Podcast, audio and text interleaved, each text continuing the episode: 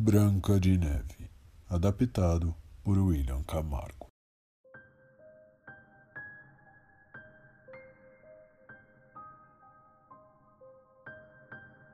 Era uma vez, em um reino distante, uma rainha chamada Élida.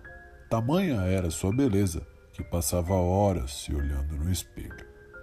Mais de dez empregadas eram necessárias para arrumar seu penteado e vestido em seu reino deveria ser a mais bela de todas as mulheres, e ninguém jamais poderia desafiar a sua palavra, ou teria os olhos arrancados. Certo dia, a rainha se olhava no espelho quando avistou uma criança pela janela. A menina não tinha mais que sete anos, mas a juventude e beleza da jovem causaram inveja na rainha, que não tolerou tamanha afronta. Contratou um caçador e lhe prometeu dez sacos de ouro pelos pulmões da jovem criança. O caçador, por sua vez, foi atrás da criança, a raptou e levou para a floresta. A menina era branca, feito a neve, com olhos negros que lembravam jabuticabas maduras. O homem não teve coragem de tirar a vida da jovem criança. Matou um javali e entregou os pulmões do animal para a terrível rainha. A criança, por sua vez, foi deixada na floresta e, perdida, encontrou uma casa simples, feita de madeira, com dimensões diferentes de uma casa normal.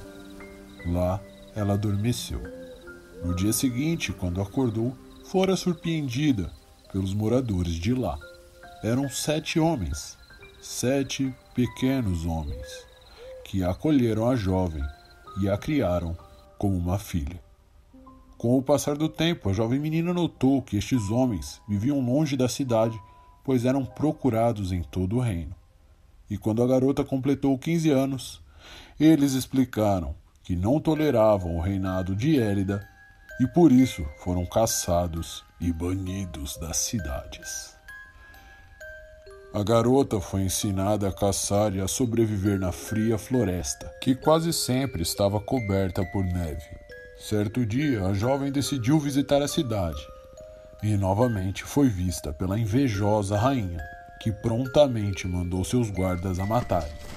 Mas a garota correu para a floresta fugindo dos guardas, os levando direto para a casa de seus pais.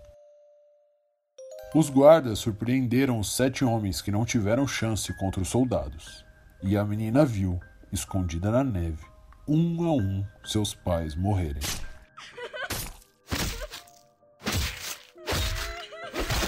Os guardas voltaram para a cidade orgulhosos pelo massacre, mas não foi suficiente.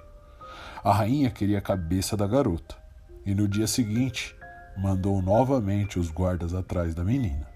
Mas dessa vez, apenas um guarda voltou com vida.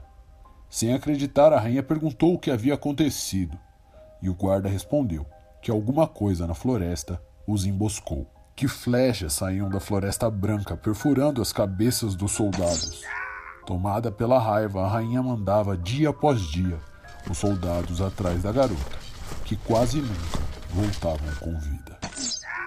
O tempo passou e nenhum soldado tinha coragem de entrar na tão temida floresta, pois sabiam que ao entrarem seriam recebidos pelas flechas mortais da jovem que branca feito a neve não podia ser capturada, nem ao menos vista na floresta, que conhecia como a palma de sua mão.